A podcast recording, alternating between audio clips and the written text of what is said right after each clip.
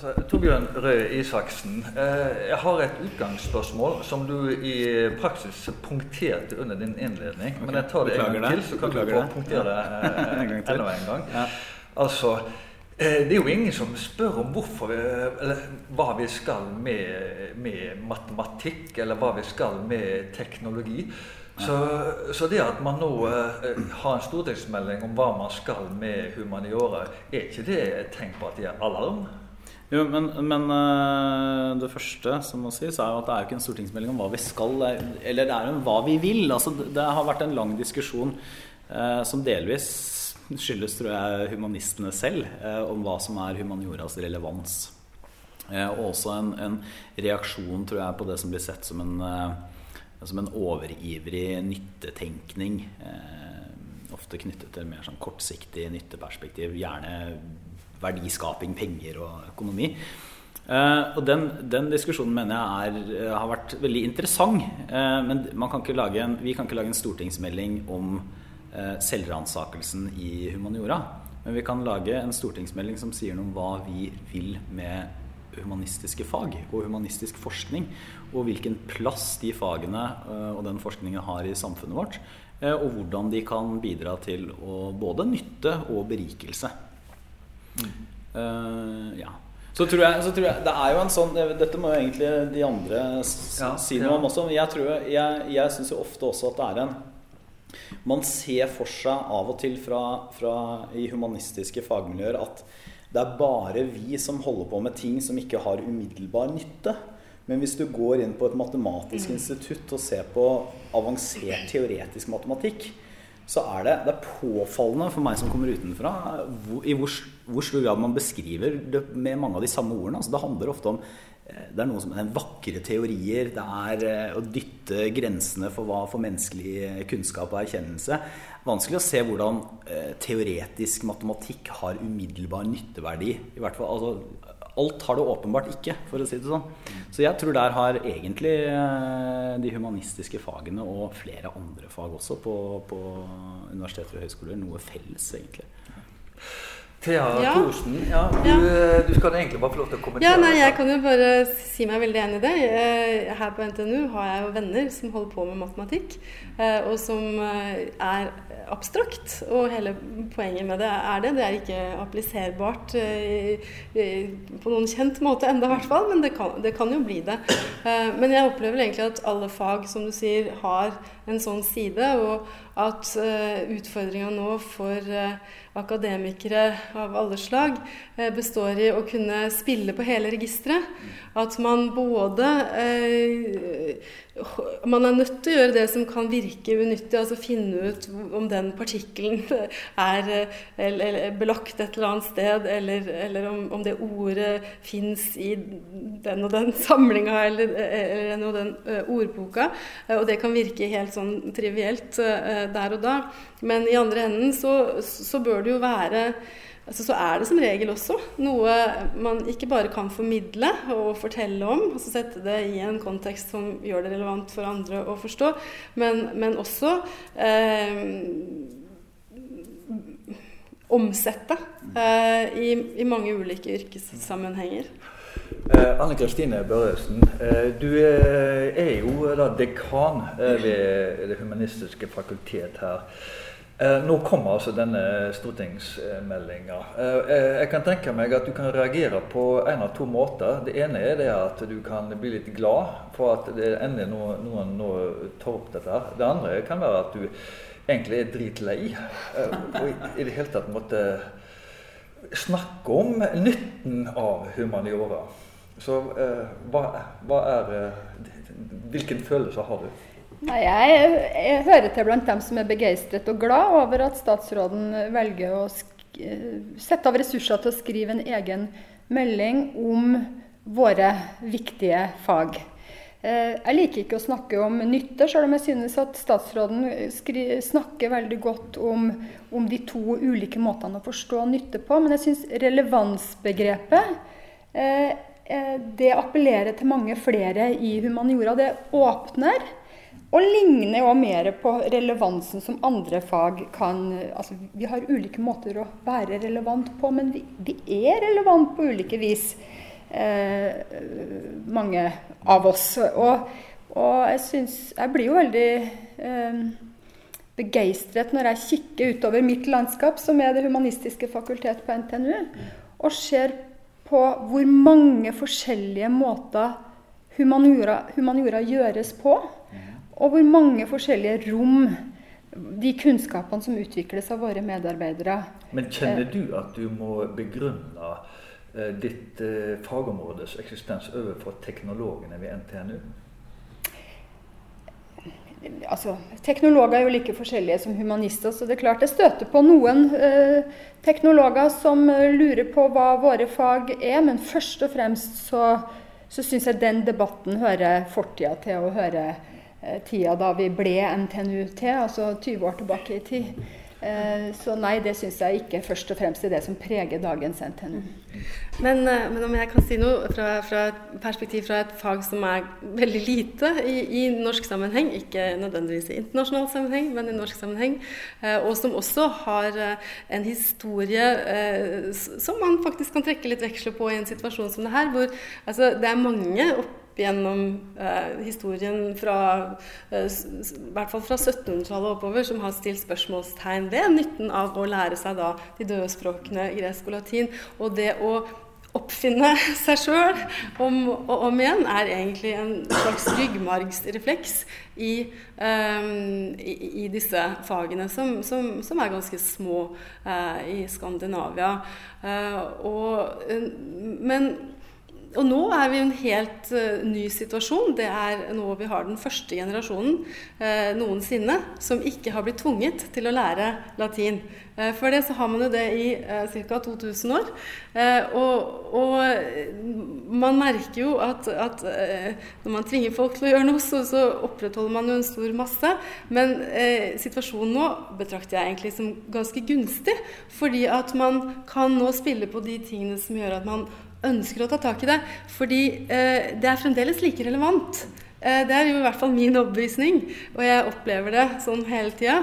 Eh, men begrunnelsene, og retorikken om du vil, er helt ny. Eh, og, og man, altså, man, må også tenke på eh, at det er aktuelt og relevant i nye sammenhenger i den tida man lever i. Altså med, med de behovene som er der. Og jeg vil jo tro at næringslivet f.eks. framover eh, vil eh, ha ganske forskjellige spesialiseringer som gjør at en godt trent generalist eh, vil være attraktiv i mange sammenhenger. Og, og fra klassiske fags perspektiv så vil man kunne eh, levere det, og sikkert andre, eller, og andre humanistiske fag.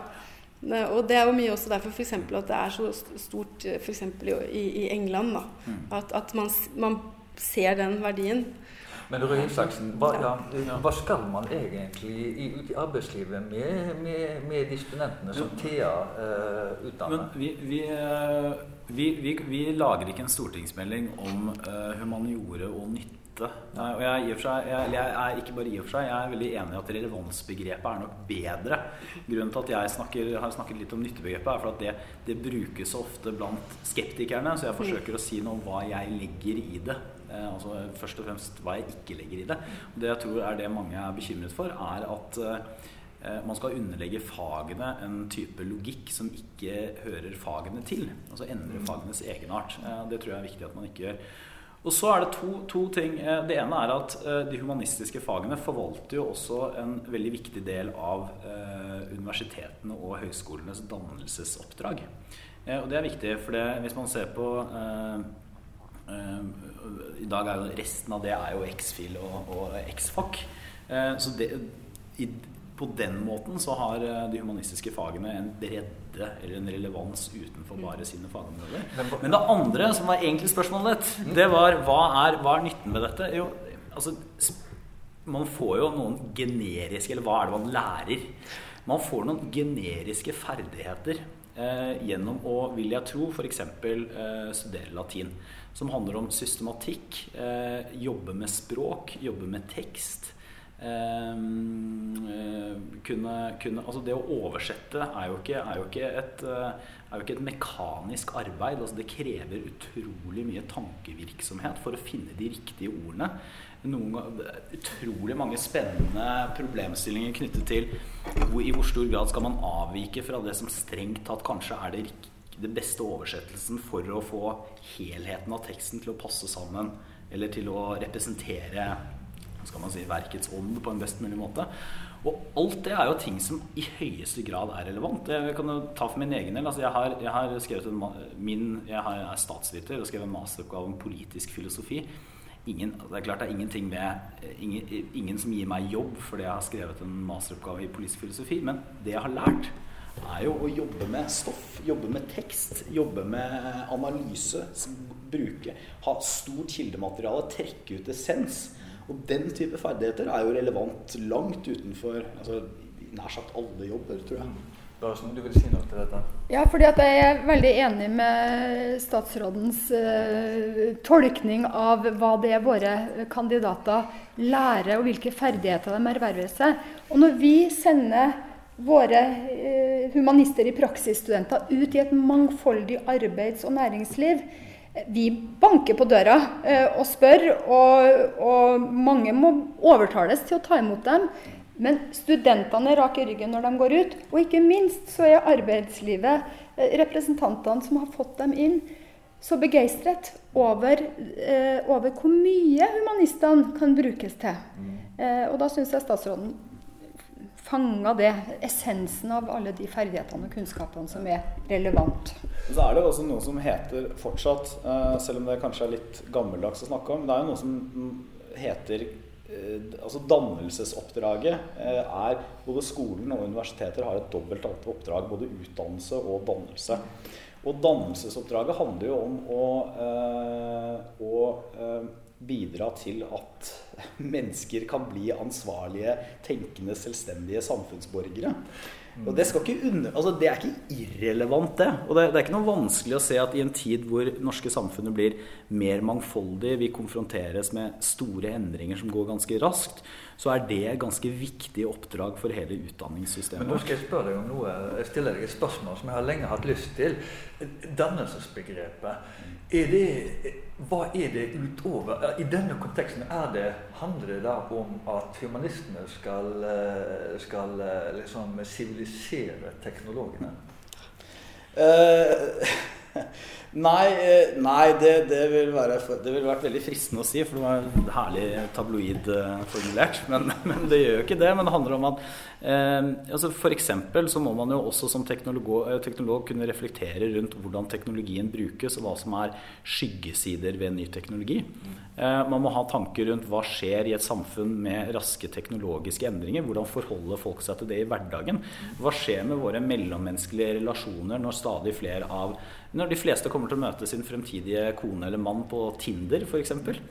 Gjør det noe med måten vi samhandler på og kommuniserer på?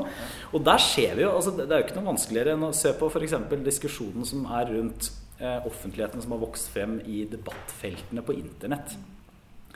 Det er jo en, eh, en debatt hvor vi, hvor vi kommer liksom halsende etter og lurer på hva skal vi gjøre. Det er jo i aller høyeste grad et spørsmål om hva hvordan eh, ny teknologi gjør samfunnsdebatten mer tilgjengelig for flere. Hvordan håndterer vi det? Hvilke felles normer legger vi til grunn? Eh, hvordan, eh, hvordan, er det demokratiserende og dermed positivt, eller er det en forsøpling av den offentlige debatten? Så jeg mener humaniora eller humanistiske fag har mye å gi også til, eh, til teknologifagene. Og det er jo noe av det som er mest spennende med NTNU, er jo at på mange områder har klart å finne de samarbeidene allerede. Og det håper jeg man skal klare å gjøre enda mer av også. Vi må omtrent begynne å avrunde. Bare et avsluttende spørsmål. Eh, det er, altså, det er jo Thea eh, Thorsena som eh, har fått deg hit, forstår jeg. Et, du forteller det. Thea og Norwegian. Ja, ja. ja, ja. Du, um, en av dine første beslutninger som, ja. som, statsråd, det var altså å gi ekstrapoeng til gresk og uh, latin, uh, og, som da er faget i in question her. Hva var grunnen til det? det var, Nå kan jeg ikke lekke internt fra departementet, men det var, det var, ikke, det var ikke nødvendigvis en veldig populær beslutning i eh, departementet. Men grunnen til det er fordi at det er, eh, det er få elever som eh, rekrutteres til latin og gammelgresk, men det er avgjørende at vi har en rekruttering. Og hvis det ikke er noen form for altså Det var jo ikke hvis det er no, ikke noen form for oppmuntring for å gjøre det, så vil rekrutteringsgrunnlaget forvitre. Og du så det ganske fort. Det var ganske dramatisk mange steder. Det var veldig mange elever som valgte det bort. Ja.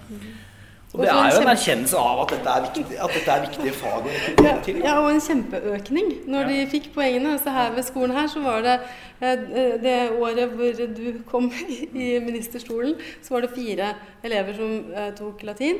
Eh, og, og neste år, da det var tilleggspoeng, så var det 24. Ja.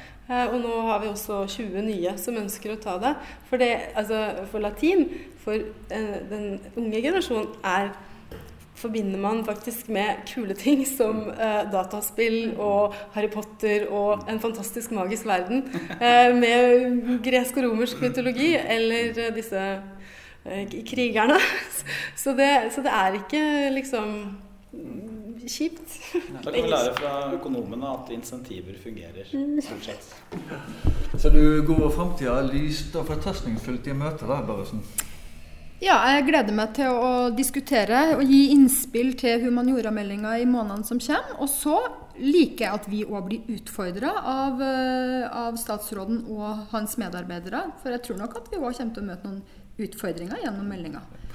Nå får vi ikke tid til mer, for Thea Trippe ja, vi har Takk for at dere tok dere tid. Ja. Nå, ja, og